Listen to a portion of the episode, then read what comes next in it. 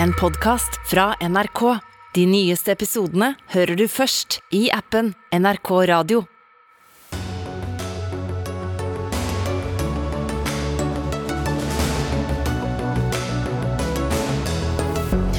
Tusenfryd ville innføre en hurtigkø for dem som betaler ekstra, og kritikken haglet. Nå snur de, men kritikken var jo helt urimelig, mener Fremskrittspartiet. Regjeringspartiene sliter på NRKs partibarometer for juni. Arbeiderpartiet går mest tilbake. Norges institusjon for menneskerettigheter ber politikerne styrke klimaloven. De blander juss og politikk, svarer en stortingspolitiker. Og Høyre vil ha tiltak mot desinformasjon. Høres ut som et sannhetsministerium, kritiserer FrPs Christian Tybring-Gjedde, som frykter for ytringsfriheten. Og det er noe av det Dagsnytt 18 har å by på den neste timen. I studio, Sigrid Solund. Regjeringspartiene fortsetter å skli nedover meningsmålingene på partibarometeret som Norstat har gjort for NRK og Aftenposten, som ble offentliggjort nå klokka 18, for Arbeiderpartiet 21,8% Det er tre prosentpoeng ned og partiet går dermed mest tilbake av alle på denne målingen. Senterpartiet gjør sin dårligste måling hos oss siden valget i fjor, med en oppslutning på 6,3% Høyre er klart største parti, mens SV går mest fram. Alle tallene kan du finne på nrk.no. Hegge Ulstein, politisk kommentator i Dagsavisen, hvorfor tror du at Arbeiderpartiet gjør det så dårlig?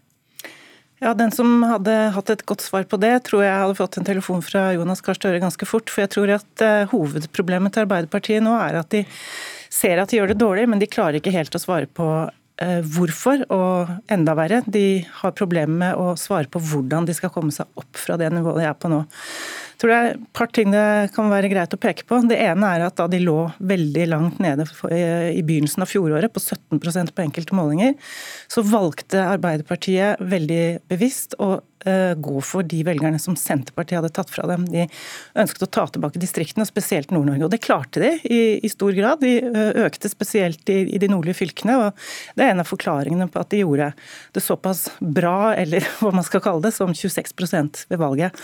Men samtidig så har de mistet grepet på de store byene. Det så vi ved valget, og den trenden fortsetter.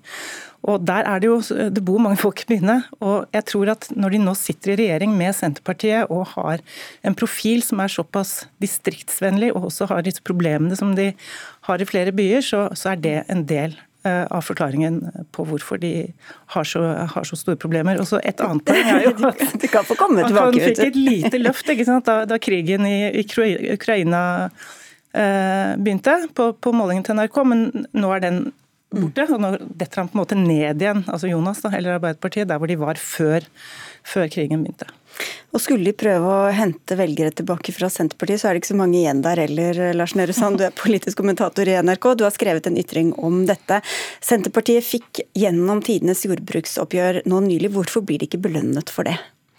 Det er jo litt uh, uttak verdens lønn, kanskje også for, for, Vedum. Jeg tror nok at de velgerne Senterpartiet har mistet på veien fra 22 på det verste til beste til 13, og nå 6,3 på, på det som er års årsverste, da uh, tror jeg Det er ikke de velgerne som, som blir mista da, som, på den veien, som, som er de som blir mest imponert over et godt jordbruksoppgjør. Dette er det som er viktig for å holde på Senterpartiets kjernevelgere. og der er man jo nå på et 6-7-8 så, så er Senterpartiet på sett og vis normalisert. og Jeg tror det er vanskelig for partiet på kort tid, og med viktige politiske gjennomslag, som de tross alt har fått denne måneden, eh, å snu den skuta der. Det tar mye lengre tid og er et mye mer møysommelig arbeid for, for Senterpartiet. Men det haster, for både Senterpartiet og Arbeiderpartiet har jo veldig mange ordførere som om litt over et år skal ut i, i kamp for sine jobber og sine posisjoner, og det tror jeg nok partiorganisasjonene begynner å merke jo mer det nærmer seg lokalvalget neste år. Hegge Ulstein, du har fulgt LO-kongressen i et par dager. En organisasjon som er tett vevet inn i Arbeiderpartiet. Og i går husker vi at LO-lederen ba om at SV kom inn i regjering. Vi prøvde å følge opp her i Dagsnytt 18, men det var ingen som var interessert i en sånn konstellasjon. Dere kan... klarte det i går, da. vi samlet dem, men de det gikk hver sin vei. Ja. Men dette manglende samholdet på venstresida, kan det også forklare noe av eh, nedgangen? Ja, jeg tror du er inne på noe der. Og vi må ikke glemme at det regjeringsalternativet Arbeiderpartiet og Støre gikk til valg på, er ikke den regjeringen som sitter. Så Sånn sett så er det nok eh, en del på, på venstresiden i Arbeiderpartiet som, som, oppfatter det som ikke som et direkte løftebrudd, men som at ikke de fikk den regjeringen de, de ble eh, forespeilt at de skulle få. Og Utspillet fra LO i går om eh, at SV bør komme inn i regjering, kommer jo da betegnende nok ikke fra Jonas Gahr Støre, men fra, fra LO-lederen isteden. Og er nok uttrykk for en slags frustrasjon. Jeg syns det er interessant, fordi at Erna Solberg husker vi jo da hun ikke fikk med alle fire i regjering fra starten av i 2013, gjentok veldig ofte all, 'min dør er åpen, alle kan komme inn', ikke sant? og var, tok på en måte regien i, i, i det spørsmålet. Mens i, eh, i, går så, så vi altså at det er LO og ikke statsministeren selv som begynner å snakke om hvem som skal inn i den regjeringen Støre leder. Og Når begge partiene i regjering eh, Lars Nehru Sand, skal prøve å samle disse, eller få tak i disse velgerne fram til neste kommunevalg, hva kan det gjøre med samarbeidet dem imellom?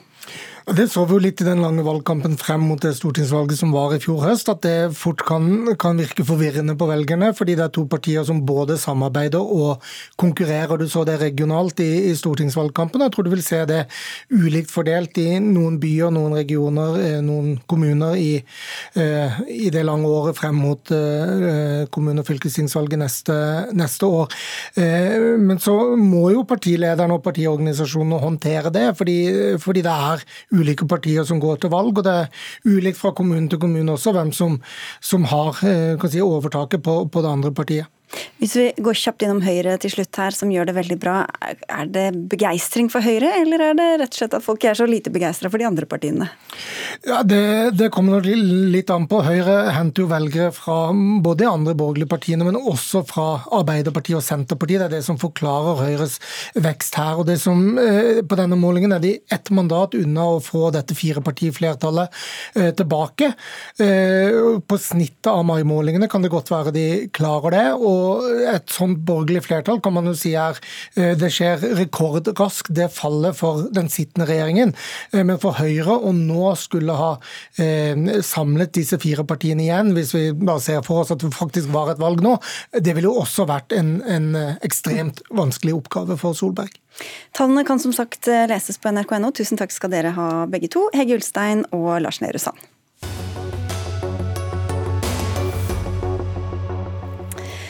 Kritikken har hagla etter at NRK fortalte at eh, fornøyelsesparken Tusenfryd innfører såkalte ekspresspass.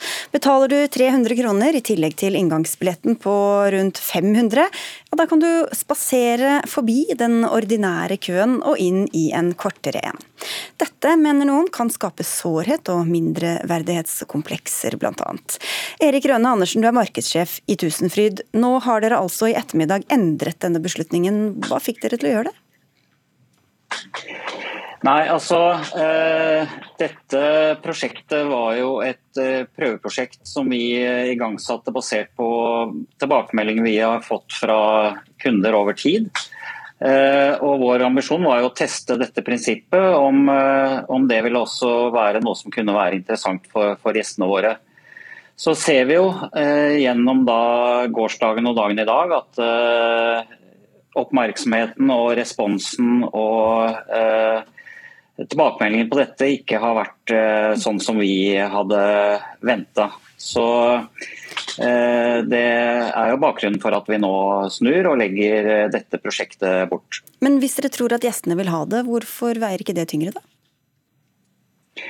Det er jo ingen tvil om at eh, brorparten av de tilbakemeldingene som har kommet uh, nå de to siste dagene, har vært negative. Eh, og med, med, sterk fokus på det man mener er å bygge opp under forskjellsbehandling av barn og familier. Så Eh, igjen, Det er bakgrunnen for at vi har snudd på dette nå.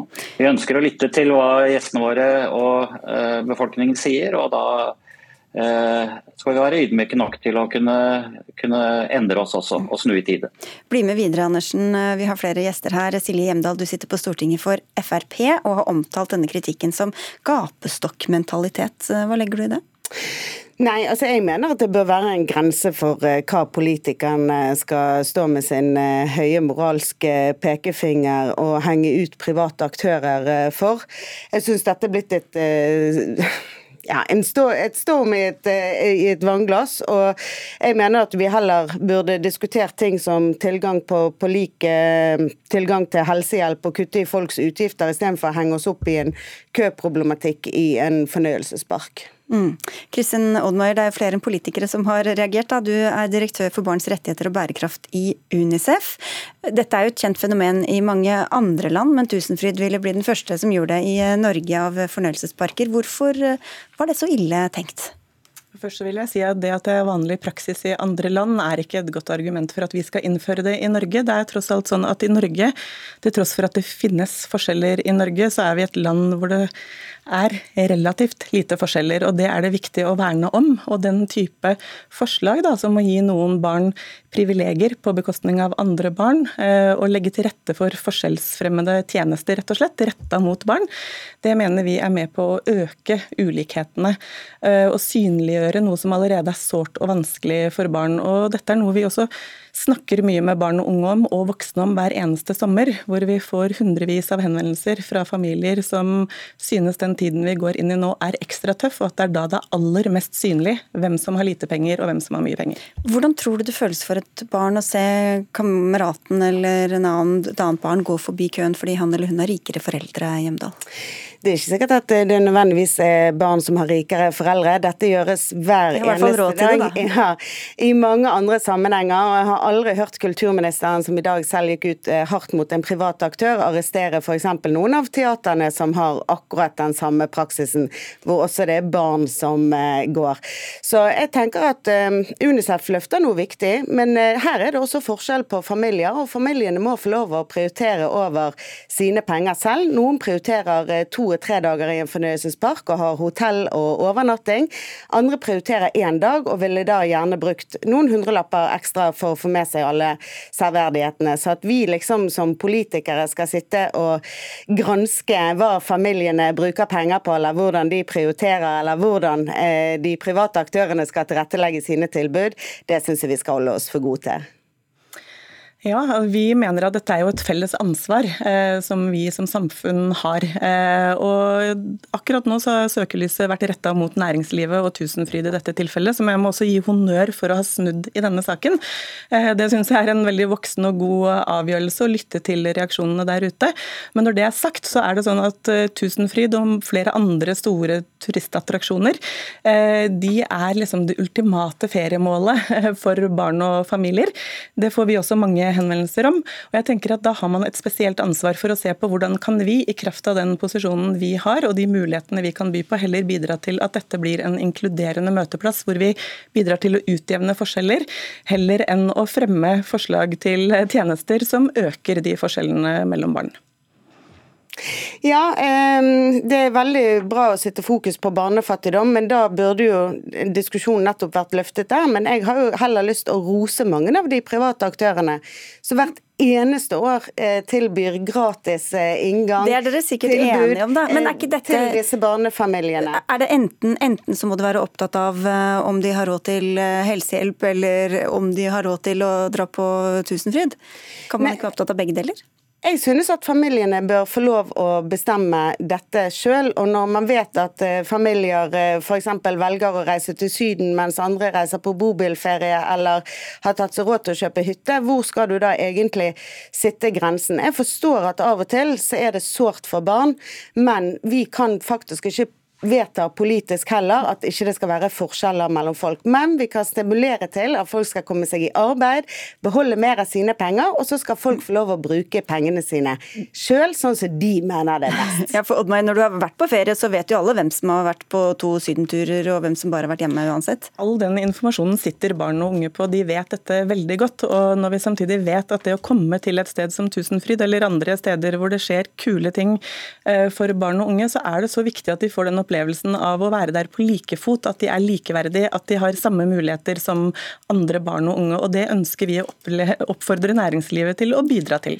Og Erik Rønne Andersen i Tusenfryd, hvorfor kan dere ikke heller avskaffe disse køene, i stedet for å bare dele dem opp? Ja, Det er nok litt lettere sagt enn gjort å avskaffe køene i de populære attraksjonene. Eh, det, det kan slippe inn færre mennesker, eller ha flere attraksjoner? Jo, det kan man eh, godt si. Men eh, man er nødt for det første til å ha et visst grunnlag for å kunne drifte en park trygt og sikkert, sånn som vi skal. Men eh, naturlig nok så finnes det jo nå muligheter antageligvis i fremtiden med tanke på hva som kan komme av eh, utvikling på digitale køer, eksempelvis, som kanskje kan hjelpe av eh, noe. Du sa til NRK ettermiddag at Norge ikke var klar for dette ennå. Betyr det at eh, dere kan komme til å gå tilbake igjen på dette en gang i framtida? Nei, eh, det er det for tidlig for meg å, å, si noe om og konkludere på nå. Men, eh, men det er jo klart at hvis det utvikles andre systemer og andre løsninger i forhold til køavvikling, da snakker jeg ikke om ekspresspass og det å komme foran i køen, men andre måter å avvikle hurtigere køer på, så er jo det naturlig nok noe vi vil se på. Syns du det var synd at de snudde, Silje Hjemdal? Jeg syns at eh, private aktører skal få lov å bestemme dette sjøl, eh, men jeg syns det var veldig synd at det var akkurat Tusenfryd som ble hengt ut som en folkefiende. For dette skjer på så mange områder i samfunnet i dag, så å trekke frem eh, denne heksebrenningen av Tusenfryd, det syns jeg var usmakelig. Men det ble mye reaksjoner, kulturkommentator i NRK Inger Merete Hobbelstad. Hvorfor tror du det kom så mange og sterke reaksjoner?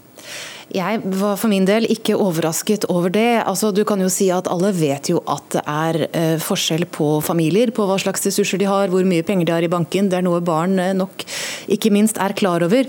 Men ved å innføre et slikt system, så ville man få det så til de grader i ansiktet. Eh, og det på et sted der det skal være glede, der det, der det er noe barna har gledet seg å dra til, et eventyrland å utforske, så vil man også da få den sorteringen der inne. Og Det var nok det som gjorde at folk reagerte. Jeg syns også det er fullt mulig å, å, å, forstå hvorfor dette nok eh, kom litt overraskende på de som hadde eh, fått den ideen. Fordi det er jo slik at det på mange områder i samfunnet har blitt mulig å gjøre nettopp dette.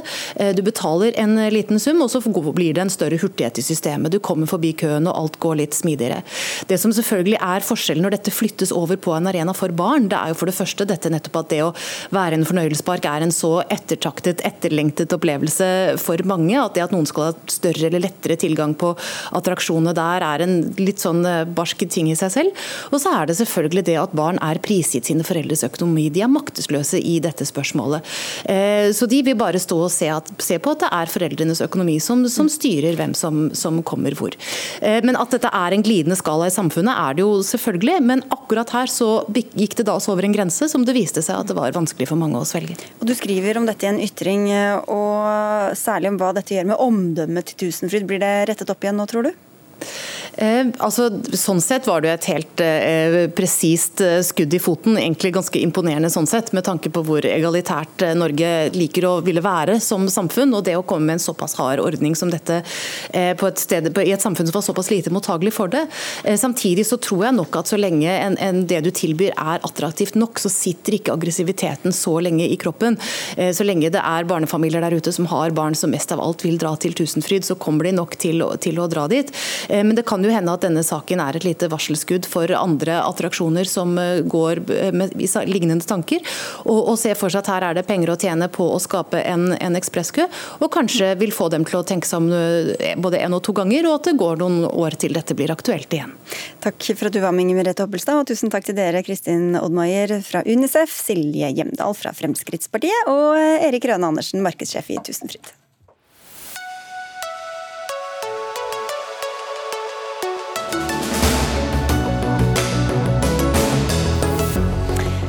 Det har brutt ut eh, uenighet mellom Stortinget og Norges institusjon for menneskerettigheter, NIM. Både om skillet mellom juss og klimapolitikk, og om institusjonens eh, rolleutøvelse. Annet gjennom Aftenposten er NIM blitt beskyldt for å viske ut skiller mellom juss og politikk, og å la engasjementet ta for stor plass.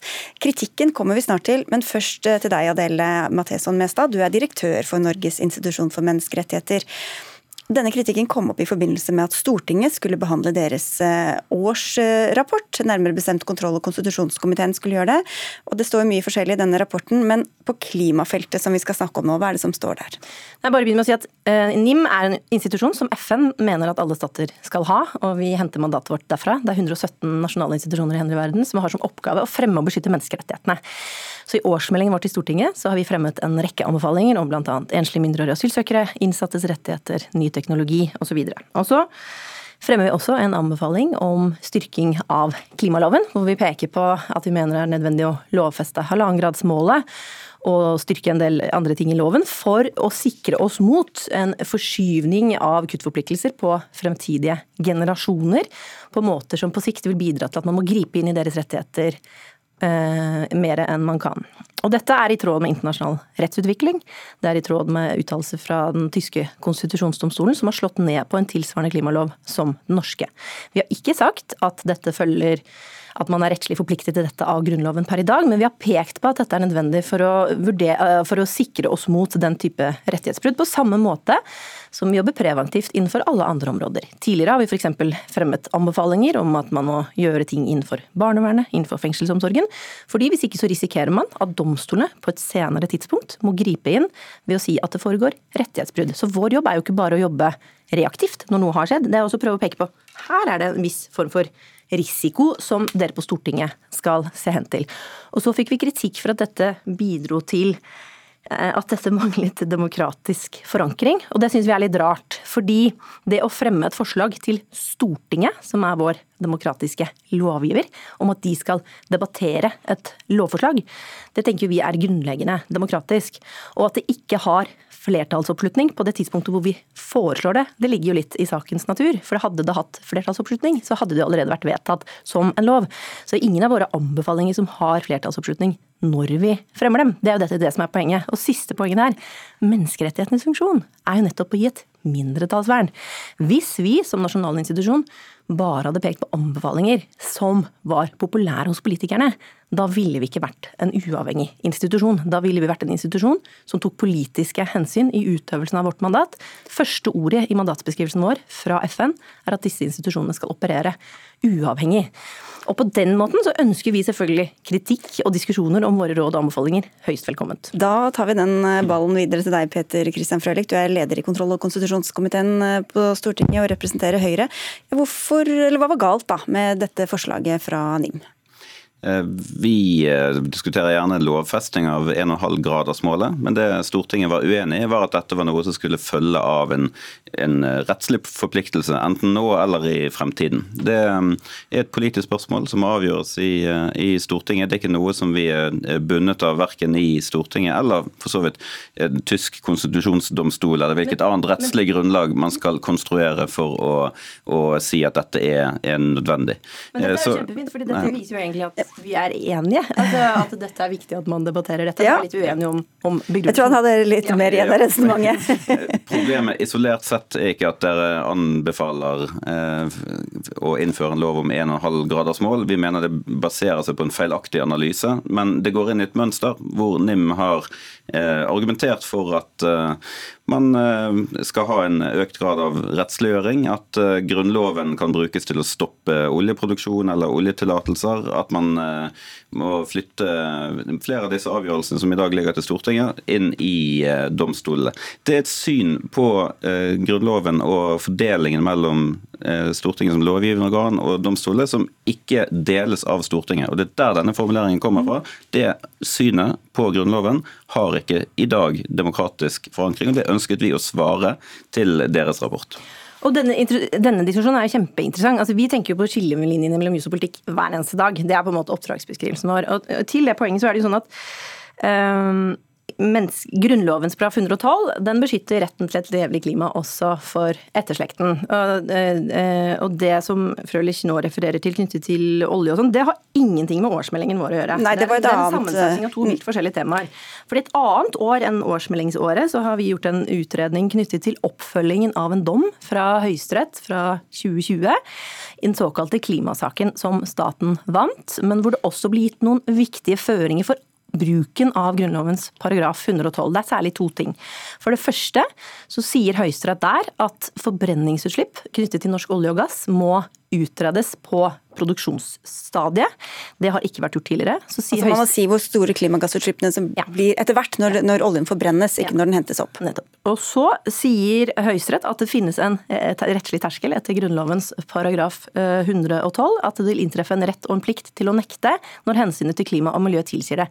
Dette er jo ikke vårt påfunn. Dette er noe som følger av dommen slik vi leser den. Så har vi, og det mener vi er godt i tråd med norsk rettstradisjon, sagt at vi stiller spørsmål ved hvordan det følges opp fra departementets side. Etter at vi pekte på disse tingene, så har eh, departementet kommet og sagt at ja, nå skal vi utrede forbrenningsutslipp, og staten har svart i sitt eh, svar til EMD at dette skal vi gjøre for å kunne vurdere om retten og plikten til å nekte har unntruffet.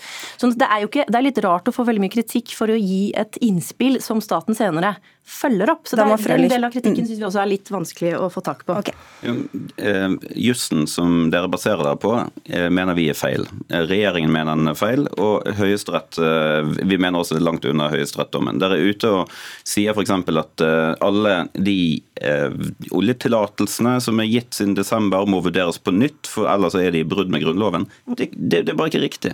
Det er ikke sånn at klimadommen oppstiller saksbehandlingskrav etter, etter 112. Det viktigste er at saken er vurdert på en forsvarlig måte, at, har, eh, at, at, at, det er opplyst, men at det akkurat må være en konsekvensutredning f.eks. Det, det, det er det rett og slett ikke juridisk grunnlag for å si. Det går ikke an å utlede liksom detaljerte klimaregler av den klimadommen. Det er et stort, stort handlingsrom for både Stortinget og regjering til å fastsette dette nærmere i praksis. Og så, å, å begynne med sånn veldig skarpe påstander som de har gjort i Aftenposten, hvor de sier at alle tillatelser må behandles på nytt for det er brudd med Grunnloven. Alle nye tillatelser for oljen eh, vil være brudd på Grunnloven. Det mener vi utvanner dette grunnlovsbrudd. Eh, dere er helt uenige på jussen, men, men, kan jeg bare si at Nå gjengis jo vårt perspektiv veldig upresist. og Jeg tror det er litt vanskelig å gå en veldig sånn detaljert diskusjon om det. Vi har i grunnen bare pekt på at eh, Høyesterett forutsetter at disse utslippene utredes, som er ordet de bruker, eh, og at det finnes en plikt til å nekte. Det er jo ikke okay. vi som finner på det. Men, men, bare, men, men Frølik, du, du, du, sier jo at dette klimaengasjementet, som du betegner det som, da, at det gjør at NIMs råd mister verdi. Hva legger du i det? Jeg har påpekt at NIM har tatt feil eh, om Grunnloven 112 tidligere. De engasjerte seg da denne saken var oppe i, i retten, oppe i Høyesterett. De mente at her kunne domstolene komme inn og nærmest drive eh, og overprøve politiske vedtak som Stortinget hadde gjort. Det var ikke i nærheten. Den terskelen er skyhøy, og der tok NIM feil. Og Det er lov det er lov å ta, ta, feil av det, men da er det noe med å innrette seg i etterkant og skjønne at vel, her har Høyesterett avgjort hvor terskelen skal ligge. Men i stedet for så fortsetter de og går ut i Aftenposten og sier at nå er det mer eller mindre slutt på oljeproduksjon i fremtiden eh, fordi at enhver ny oljetillatelse vil eh, liksom bryte 1,5-gradersmålet. Ta 1,5-gradersmålet. Når ble det innfortolket i Grunnloven? Det, altså vi, vi, er alle enige om at vi må jobbe mot det, men det er ikke en del av, det, av, av Grunnloven. Det, det, kan ikke med rimelighet sies å tolkes inn i Grunnloven 112. Det er litt sånn eh, vanskelig å imøtekomme. for at det, eh, Gjengivelsen i pressen av vår utredning, som er liksom en 30 siders utredning med 220 fotnoter, den er ganske upresis. Og det er sånn verden er når man diskuterer eh, juss. Uh, og vi har bare sagt at fraværet av den type eh, utredninger av forbrenningsutslipp, som Høyesterett forutsetter, vil utgjøre en saksbehandlingsfeil. Og så må man vurdere i hvilken grad den saksbehandlingsfeilen har virket inn på vedtaket. Eh, og derfor har vi sagt at det bør man se nærmere på. Så registrerer vi at eh, energikomiteen ikke har fulgt opp den type forslag. Og så sier vi det er beheftet med en rettslig risiko, på samme måte som vi peker på rettslig risiko på en rekke andre rettsområder. Og så et viktig poeng her.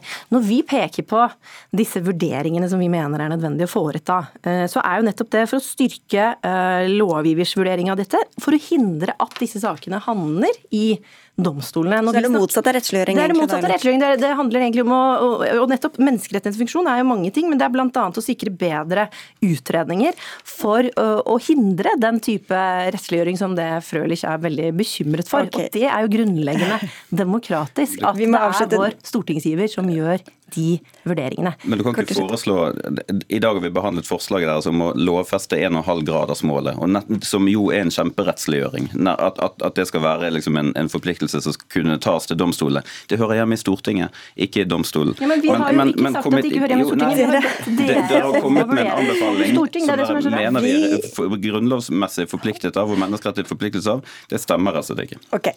Vi kunne holdt på i timevis. Det var veldig gøy. vi fikk elleve minutter. Takk skal dere ha, begge to. Adele Mestad, direktør ved Norges institusjon for menneskerettigheter, og Peter Christian Frølich, leder i kontroll- og konstitusjonskomiteen for Høyre. Takk.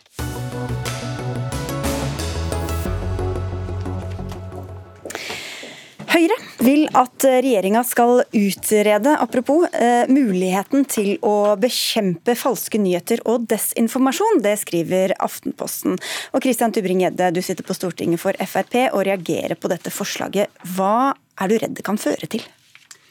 Altså jeg reagerer på, egentlig på alt som står i dette forslaget. Det er et uh, sammensurium av uh, innhenting av informasjon og meninger som man skal tenke å samle gjennom samarbeid i offentlige etater og arkivere ned for å se hva som kan være falske nyheter, og hva som er propaganda, og hva som bør bekjempes gjennom samfunnets offentlige midler. Det mener jeg er en, eh, et tiltak som eh, rammer oss alle, som rammer meningsbrytning, som rammer rett og slett normale utgangspunkt som, eh, som være kontroversielle synspunkter, som da blir definert av noen til å være falske nyheter.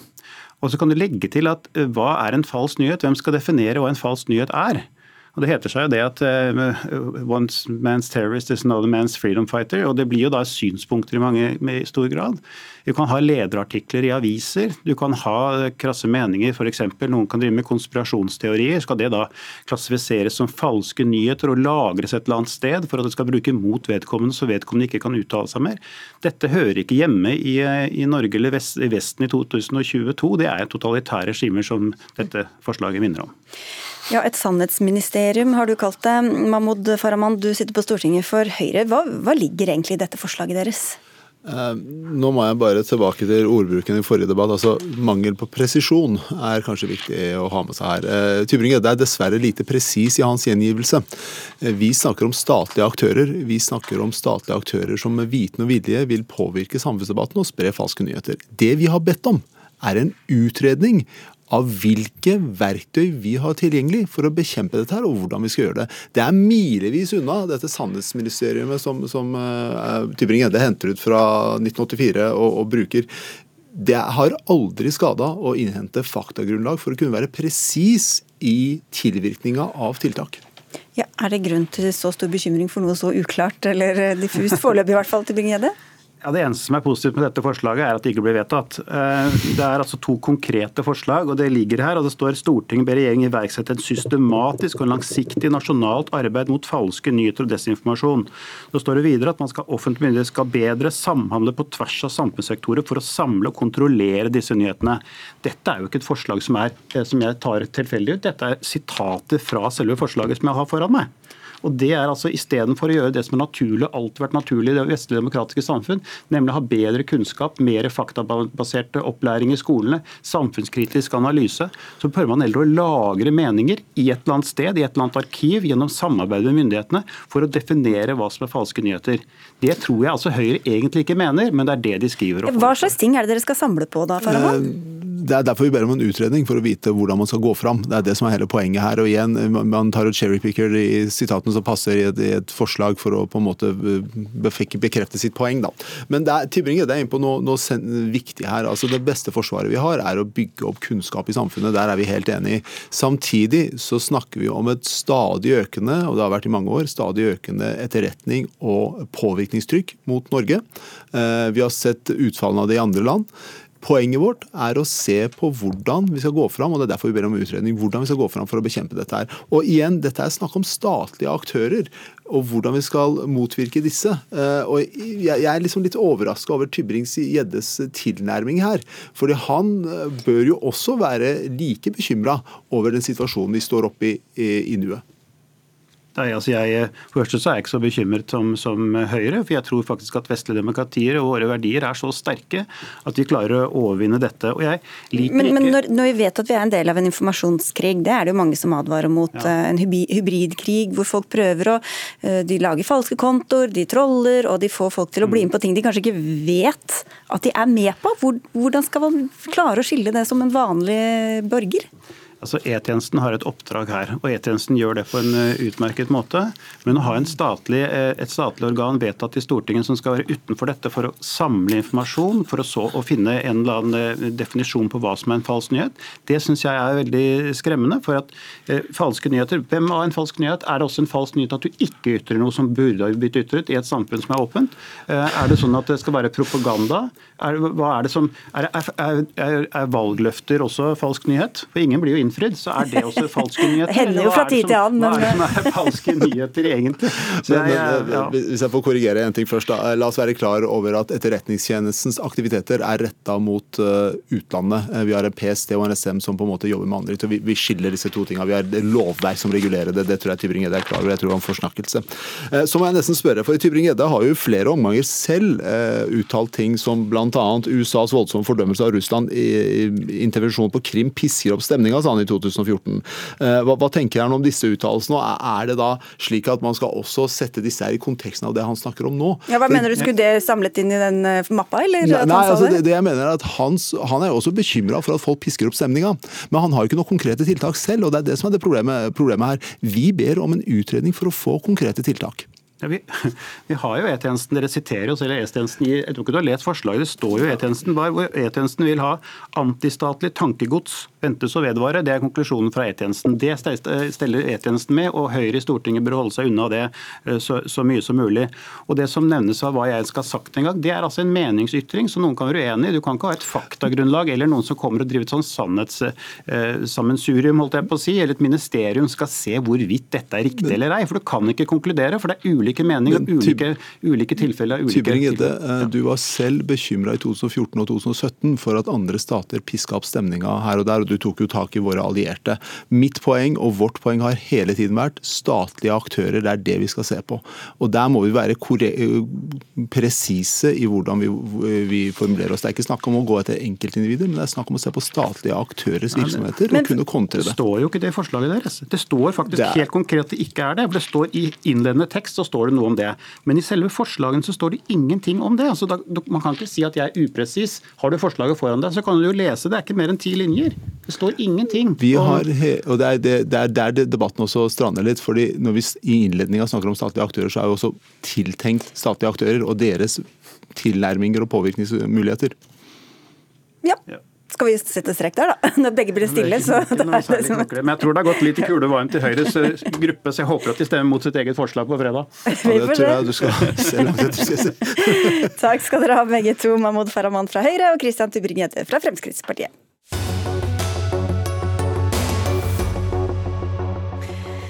Den eh, siste tiden har eh, Aftenposten og eh, A-magasinet hatt en rekke avsløringer knyttet til psykisk syke barn som ender opp som kasteballer mellom psykisk helsevern og barnevernstjenesten. Ingen vet hvor mange alvorlig syke barn som havnet i barnevernet, men hittil har Aftenposten avslørt at minst fem barn døde under barnevernets omsorg i 2020 og 2021. Barneombudet, som snart skal komme til orde, sa at helsetjenesten må ta ansvar for barn i barnevernet som trenger omfattende psykisk helsehjelp. Hun fikk svar fra deg og to andre psykologspesialist Heidi Wittrup Djup. Dere skriver at systemet er sykt og ikke barnevernsbarna. Kan ikke du utdype hva dere mener? Jo, altså Vi reagerer jo på omtalen av disse barna. For nå snakker vi om de syke barnevernsbarna. Vi snakker om de alvorlige psykiske lidelsene som disse barna har. Som om det er en ensartet gruppe, og det er det ikke. Så Når vi snakker om disse barna, så er det noen barn som ikke burde vært under barnevernets omsorg i det hele tatt. Det er noen barn som burde fått hjelp inn i familiene sine, sånn at foreldrene hadde klart omsorgsoppgavene. Og noen barn burde fått hjelp på et mye tidligere tidspunkt på et mye lavere nivå, For gjennom tilrettelegging på skoler og god foreldrestøtte inn i hjemmet. Og så har vi selvfølgelig de barna som har vært utsatt for omfattende omsorgssvikt, eller som har så store omsorgsbehov at de ikke kan bo hjemme. Og Noen av de barna har diagnoser, det er helt riktig. og Aftenposten har selv pekt på autisme, Asperger, ADHD og traumelidelser. Men også det vi i faglig, faglig sett omtaler som alvorlige psykiske lidelser, nemlig psykose, alvorlige spiseproblemer og alvorlige personlighetsforstyrrelser. Men problemet med å omtale alt dette her som alvorlige psykiske lidelser, er at vi begynner å lete etter løsninger i psykisk helsevern, og vi bereder grunnen for å hjelpe disse gjennom tvang i psykisk helsevern. Og Det mener vi er et feilspor å gå inn i. For hva er det disse barna har opplevd, og hva er det som gjør at de har disse vanskene? Det er ikke riktig at det å ha selvmordsrisiko, det å selvskade, det å henfalle til rus, eh, vold, andre destruktive mestringsstrategier, det er ikke ensbetydende med å ha alvorlige psykiske lidelser, selv om det er veldig alvorlig både for barnet selv og for omgivelsene.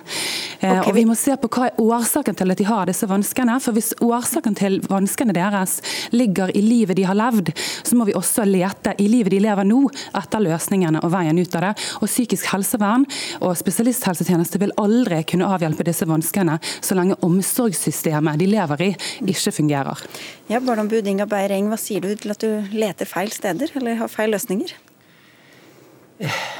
Ja, jeg vet ikke helt hva jeg skal si.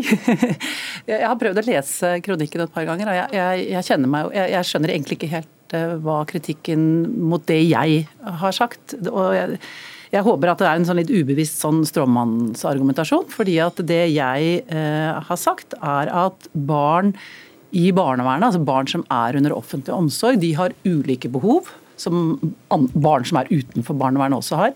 Noen strever med læring, da trenger de kanskje hjelp til det. Og noen strever såpass med å fungere i hverdagen at de trenger helsehjelp. Og da har jeg sagt at da må de få helsehjelp. Og eh, vi har jo jobbet eh, inn mot barnevernet siden jeg ble barneombud, og også før det, og har sett at det er noe med innretning på helsehjelpen som ikke helt er rigget for å kanskje nå denne gruppen barn. Og det er én gruppe, noen i barnevernet som trenger helsehjelp. Vi har jo aldri sagt at alle barn i barnevernet skal ha helsehjelp. Så det, det, det, jeg, tenker, jeg, kan ikke skjønne at vi er så uenige, egentlig. Da, da lar vi det ligge litt, og så ser vi mm. heller hvordan kan vi hjelpe disse barna, da, som jo tydeligvis har mange forskjellige mm, forhold og utgangspunkt. Djup, hva, hva, hvor ligger løsninga? Nei, Det er vanskelig å si det som en setning med to streker under. Men det er klart at vi har jo veldig mange gode system og tjenester allerede som ikke kommer på banen tidlig nok. Vi har PPT, vi har skolehelsetjeneste, vi har jo mange nivåer på hjelpen vi kan tilby. Eh, men det som er min erfaring som sakkyndig innenfor barnevernsfeltet, er jo at mange av disse barna de blir eh, ikke utredet tidlig nok. De får ikke den hjelpen de trenger inn i familiene, og så eskalerer vanskene. Eh, og så havner man man gjerne i en situasjon der man da kommer under offentlig omsorg, og så blir krisen total. Eh, og, det er klart at Gjentatte flyttinger under offentlig omsorg sånn Noen av disse ungdommene de flyttes 5-10-15 ganger. De møter utallige forskjellige voksne som skal ivareta dem. De er inn og ut av behandlingssystem som kommer med stadig nye diagnoser. Det er klart Vi må jo ha en samtale, en dempet samtale da, i det offentlige rom, der vi faktisk kan snakke om at dette får vi ikke så veldig godt til til når det gjelder denne gruppen barn. Og Jeg er helt enig i at de trenger helsehjelp, mange av de gjør det. Men det er alltid et supplement. Det er noe som kommer i tillegg. Men vi må faktisk snakke om det omsorgssystemet som de lever innenfor. Og Da har vi med oss Kjetil Losling, altså du er divisjonsdirektør i Barne-, ungdoms- og familiedirektoratet. Systemet som vil hjelpe, kan det også være med å gjøre barna dårligere syke? Eh, først og fremst så får barn som har tiltak i barnevernet, det er 53 000 av dem, i all hovedsak veldig god hjelp og omsorg. og altså Barnevernets oppgave er jo nettopp det, å gi omsorg og hjelp, støtte til foreldre, eller gå inn i foreldrenes sted når det er nødvendig.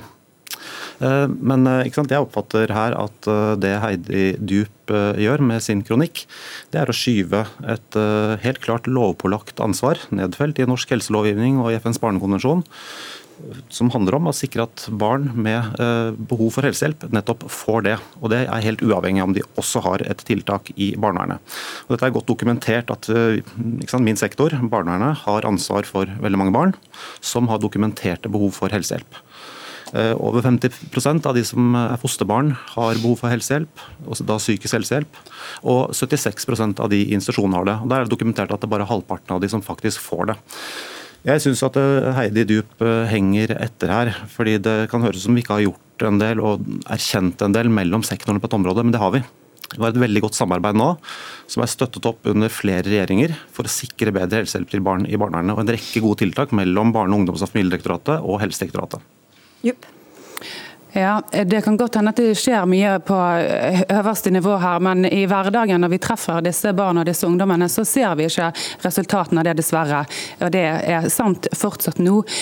Men det er klart, jeg har jo aldri ment at vi ikke skal gi helsehjelp til barn som trenger det. Selvfølgelig skal vi det, men det er et supplement. Det jeg reagerer på, er at vi snakker om selvmordsatferd, selvskading, rus, vold. Det er ikke nødvendigvis uttrykk for alvorlig psykisk lidelse, og dermed kan vi heller ikke lete etter løsningen innenfor psykisk helsevern, eller rope på mer tvang, mer tvangsbehandling. For de har blitt utsatt for veldig mange krenkelser, disse ungdommene, og da skal ikke vi fortsette å utsette dem for krenkelser i offentlig regi. Men det er klart at noen noen trenger det også, og det sier vi også i kronikken vår. Noen ganger så er tvang både nødvendig og det er også god hjelp. Okay. Men vi er nødt til å se på at det, dette er et uttrykk for veldig mange for at omsorgen ikke er god nok. De er desperate, de lever forferdelig vanskelige liv. og Da syns jeg det er uanstendig å møte det med at de er syke. Inge Beiring. Ja, altså, jeg har for første aldri snakket om tvang. Hvis man leser intervjuet med meg, så har jeg jo aldri snakket om tvang. Jeg snakker om hva barn trenger, og at det må de få. Og så tror jeg det er viktig, og jeg er enig egentlig alt Djup sier. jeg. det er altfor mange flyttinger i barnevernet, både fra fosterhjem og mellom institusjoner. Men det jeg ser, er at nøkkelen til det ligger i et godt samarbeid mellom helse og barnevern.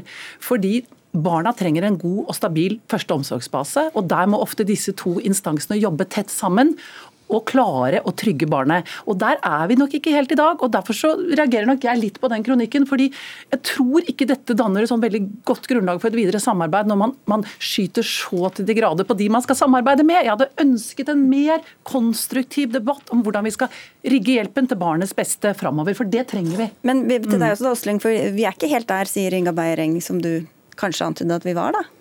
Nei, Vi har eh, mer å gå på i forhold til å få til mer sømløse tjenester. og det er klart at eh, Bakteppet for at noen av disse barna av og til eh, trenger mer hjelp enn det barnevernet klarer å gi, handler nettopp om at de trenger samtidige tjenester, også fra helsesektoren. Og Det kan også være forklaringen noen ganger for at barn må flytte, og at tiltakene ikke lykkes fullt ut. Sånn at Det er nettopp dette samarbeidet, denne sømløse tilnærmingen til å sikre samtidig hjelp, som er nøkkelen til dette. Ikke den skyve kasteball løsningen som jeg hører fra Heidi Djup. Men er det noen barn som bare blir eh, gitt opp? Eh, barnevernet har bistandsplikt og kan ikke gi opp noen barn, så vi tar vare på alle barn som det fattes tiltak om eh, barnevernstiltak for. Og Det innebærer at vi tar vare på barn som også har veldig svært sammensatte behov for psykisk helsehjelp, men som ikke nødvendigvis alltid får det. Du blir beskyldt for å være litt lite konstruktiv her, Djup? Ja, det tåler jeg å bli beskyldt for. Jeg vil veldig gjerne samarbeide med Barneombudet, så det tar jeg imot med åpne armer. Problemet som sagt er at når vi snakker om alvorlige psykiske lidelser, så gjør vi avstanden til det å se på tvang i psykisk helsevern som en mulig løsning mye kortere. Eh, men det er klart at, eh, at samarbeid det er kjempeviktig. Men en interessant ting er jo også det at i noen saker jeg har vært inne i, så har jo løsningen ligget faktisk i mindre helsehjelp og mindre barnevern. Og noen ganger er løsningen ganske enkelt å finne stabile, trygge omsorgsrammer. Noen ganger er det hjemme, andre ganger er det under offentlig omsorg. Men uansett hvor god helsehjelpen blir, så vil det aldri kunne erstatte eller kompensere for mangel på god nok omsorg. Men, men det er lettere kanskje å ty til å vise at her gjør vi noe, da, Heng? Hva sa du nå? Til? Det er kanskje lettere å si her gjør vi noe, her får du masse helsehjelp, i stedet for ja, å ta det Ja da, men jeg tror nå heller ikke at bare helsehjelp i seg selv, det er det ingen som tror. Men det er et samvirke. Og du klarer ikke å få For noen barn så er det vanskelig å få et stabilt første fosterhjem hvis ikke fosterfamilien og kanskje barnet får hjelp fra spesialisthelsetjenesten. I hvert fall hvis barnet har store utfordringer. Og så klart at Der må de spille sammen. Og disse flyttingene det er jeg helt enig i. Det fører til en forverring av fungeringen til barnet, og kanskje at de får enda større problemer enn de burde ha hatt. Sånn at Det er viktig å sette inn gode tiltak tidlig. og Jeg bare håper at helse etter hvert eh, tenker at her har de en viktig rolle, sammen med barnevernet. Barnevernet må forbedre seg, og helse må forbedre seg. De, de, begge har gode muligheter til å bli bedre. Mm. Du får ta det videre, Kjetil Osling, som er direktør i Bufdir, som det heter. Og takk til deg også, Heidi Vitrup Djup, som er psykologspesialist og barneombud Inga Beireng.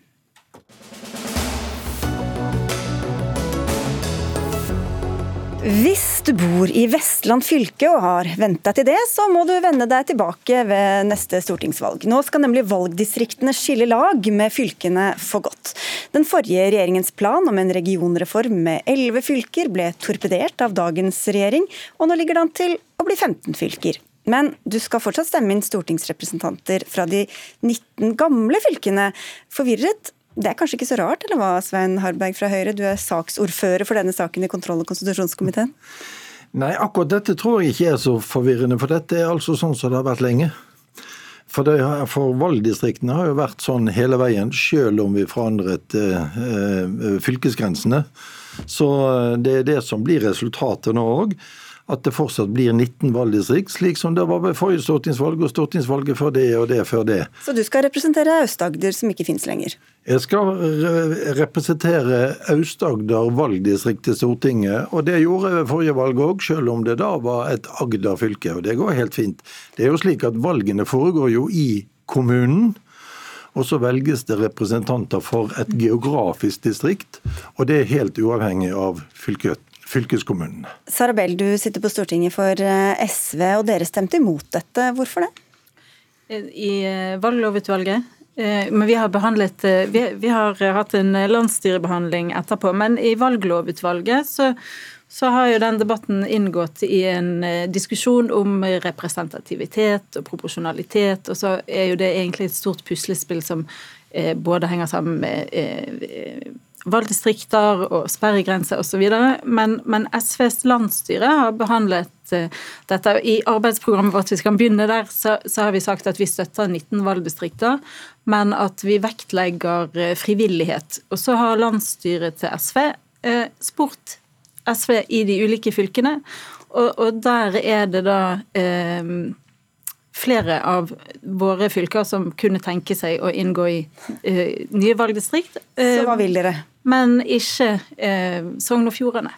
Nei, Så dere vil ha 16 valgdistrikter? Vi fremmer et mindretallsforslag som kommer til å falle i eh, morgen, eh, om 16 valgdistrikter. Og det prinsipielle for oss der har vært å, å målbære den uenigheten som finnes eh, bl.a. I, i distriktet, eh, som jeg ser på som et uttrykk for eh, skepsis til regionsreformen, og, og særskilt for Sogn og Fjordane en skepsis til at at de politiske debattene eh, kommer til å sentrere seg rundt Bergen.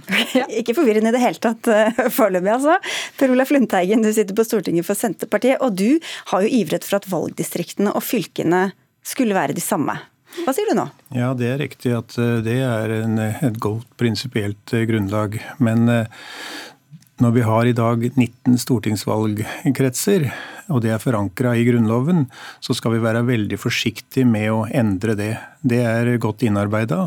Og det vi ser nå f.eks. Eh, i Innlandet, forholdet mellom Hedmark og Oppland, det var jo bare en tilfeldighet at Innlandet fortsetter. Og hvis en da skulle lagt Innlandet til et, en stortingsvalgkrets, og avklart det i Grunnloven, så hadde den kommet i trøbbel hvis den kommer da til sans og samling igjen og sier at nå skal vi ha Oppland og Hedmark framover. For det Senterpartiet de vil jo ha andre grenser, da, bare for å ha sagt det, og så kommer til å stemme for det samme som Svein Harberg her. Ja, vi stemmer for men, eh, Vi har jo stått på det hele tida, også i valglovutvalget. Ja, men du husker og jeg husker at vi har sittet her tidligere flere ganger og diskutert Viken. Ja. Og da har ditt viktigste, eller i hvert fall et veldig viktig argument vært at vi må ha de samme grensene for, for fylket som dem man stemmer inn. Ja, det er riktig. Jeg eh, og vi i Senterpartiet mener at du skal ha stats... Men det er ikke det dere stemmer for her? Nei, for eh, her snakker vi om en grunnlovsendring som eh, er, er egentlig uopprettelig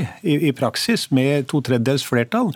Og da mener vi at det på en mye større grad skal vokse fram i befolkningen, som sier at eksempelvis Nord-Trøndelag og Sør-Trøndelag blir én stortingsvalgkrets, og det er ikke vokst fram i befolkningen i Trøndelag i dag. Men du er enig i at det er litt eh, annerledes enn det du argumenterte for angående Viken, da? Ja, det er, det er korrekt. At uh, I Viken så, så, greide vi å få orden på det, og det er vi takknemlige for. Ok. Ja, det som, det som, er viktig for Høyre, i hvert fall, det er jo det at vi har et velfungerende system for stortingsvalg i Norge. De 19 valgdistriktene fungerer godt. Folk er vant til å forholde seg til de. Og så er det en ting som er veldig viktig. Når folk skal velges til Stortinget, så skal de innarbeide seg tillit hos velgerne. Og Da må vi ha distrikter som gjør det mulig å opparbeide den tilliten og ha kontakt med sitt område som en skal velges fra. Det er jo en kjempeutfordring med noen av de store fylkene. Og det er ingenting som tilsier at det skal være det samme som fylkesgrensen. Er ikke det egentlig et argument mot hele den regionreformen? Jo. Jo, det er helt riktig. som dere fikk igjennom, eller prøvde å få igjennom? Jo, men det er ingenting som sier at de to skal henge sammen. Nei. ok. okay. Og så lenge stortingsvalget foregår i kommunene, og vi bestemmer ved lov hvilke kommuner som er i hvert valgdistrikt, så har det ingenting med fylkeskommunen å gjøre. Derfor løsriver vi det fra det. Det er, klart, det er klart, at det her er et problem at ikke fylkeskommunen og stortingsvalgkretsene er det samme. For det er jo veldig mange organisasjoner som da er eh, eh, kobla på eh, fylkeskommunenivået. Og når vi da har en misforhold mellom stortingsvalgkretsen og fylkeskommunen, så kan det bli forvirrende. Sånn at jeg står ved programleder, det jeg har sagt innledningsvis, men dette får vokse fram. Okay, så du er egentlig litt uenig med ditt eget parti her, da? Jeg, jeg, Eller du håper at valgkretsene skal presse fram de gamle fylkene? Jeg kan gjerne si det sånn. Ja. altså Hedmark og Oppland bør jo med fordel tilbake til det det var. Ok, Sarabel. 16 valgdistrikter, det blir jo enda mer forvirrende enn eh, begge disse hybrid... Ja, men vi får, ikke, vi får ikke 16 valgdistrikt. Eh, men, men en del av det prinsipielle i en grunnlovsbehandling er òg og eh, målbære å vise frem uenigheter. ikke sant? Og det, Hvis du ser innstillingen til i morgen, så vil det være en 18-19 mindretallsforslag som kommer til å falle, men som partiene fremmer for å, for å vise hva som er deres primærstandpunkt. Så har jeg lyst til å si at eh, vi, eh, vi, er jo enig med Høyre i at det er viktig at, eh, at vi har et eh, valgsystem og distrikter som folk er kjent med og de har tillit til. Og det er jo egentlig også det Per Olav sier, at det, det er et viktig prinsipp for oss alle. Eh, og, og eh, det, eh, når vi sier at det skal være frivillig, så handler jo det nettopp òg om at det skal være forankret. Vi har bare ulike måter å behandle det på inn i innstillingen, men vi kommer til å ende opp med 19 valgdistrikt. Men, men hva gjør, ja, og disse store regionene som vi har fått, i hvert fall enkelte steder, da, Svein Harberg, som da skal ha to ulike lag på Stortinget, hva gjør det med identiteten og samholdet for den nye regionen? da? Det fungerer helt utmerket. Jeg representerer Aust-Agder på Stortinget, Aust-Agder valgdistrikt. Det har jeg gjort i mange perioder. Eh, Agder Høyre slo seg sammen for mange år siden og fungerer veldig godt med å ha to eh, stortingsvalgdistrikt. Agder fylkeskommune er et vellykket eh, sammenslåingsprosjekt som fortsetter sånn, men vi er fullstendig enige om at det er lurt å ha to valgdistrikter. Vi har ikke møtt på en eneste utfordring med å ha det sånn. Vi samles til nominasjonsmøte, og så nominerer vi til Aust-Agder og så nominerer vi til Vest-Agder. Ingen problem med det, men vi får mye skryt for at vi på den måten greier å beholde den nærheten til folkene som skal velge oss. Hva tror du det kan gjøre rent demokratisk Lundteigen, å ha et sånt system eh, hvis folk ikke helt intuitivt skjønner hvordan dette henger sammen? Jeg tror at det er eh, eh, kan være et problem. At du har et fylkestingsvalg til Vestland f.eks. Et fylkestingsvalg til Innlandet. Og så har du et stortingsvalg fra Sogn og Fjordane og et stortingsvalg fra eh, Hordaland, et fra Oppland, et fra eh, Hedmark. Men det som gror fram nå, er jo at en ser at den identiteten som var i, i Hordaland og Sogn og Fjordane og Hedmark og, og, Oppland, den er jo i framvekst. Sånn at den fylkessammenslåinga som vi her har opplevd, det kommer ikke til å være evig. Sarabel? Ja, jeg er faktisk enig i den betraktningen. og Eh, så eh, Sogn og Fjordane SV gikk eh, til valg til stortingsvalg på å, å trekke seg ut av Vestland fylke, så jeg tror ikke vi har sett slutten på den diskusjonen helt. Dette skal ta livet av siste rest av regionreform, Svein Harberg? Nei, det er ikke vår intensjon. Vi har en annen intensjon når det gjelder fylkeskommunene. Men det vi slår fast, og som folk kan forholde seg til, det er at det er valgdistriktene som har vært hele tiden, som gjelder. Og dette viser jo hvor krevende det ville være hvis vi knytter det opp mot fylkesgrensene. For da vil jo dette endre seg fram og tilbake, da, ettersom en slår sammen eller løser opp Skal vi fortsette i det samme tempoet vi har holdt til nå? Nei, jeg håper jo inderlig ikke det, for det, det, er dårlig, det er dårlig for innbyggerne. Og så må jeg bare si en ting. Det er veldig mange som forholder seg til stortingsvalget, og de greier det utmerket godt. Det er veldig få som har med fylkeskommunen å gjøre i sin hverdag, og derfor er det en helt annen problemstilling. Fylkeskommunen er en nødvendig virkemiddel. Det må være kommunenes samvirkelag som tar opp i seg de oppgavene som kommunen er for små til. En rekke oppgaver på helseområdet er sånn at en med fordel kan ta det på fylkesnivå istedenfor i den enkelte kommune. Og dette skal dere altså behandle i morgen. Takk for at dere tok en liten runde her hos oss. Svein Harberg fra Høyre, Sara Bell fra SV, Per Olaf Lundteigen fra Senterpartiet. Dagsnytt 18 er ved veis ende. Line Forsmo, Frode Thorshaug og Sigrid Solund takker for følget.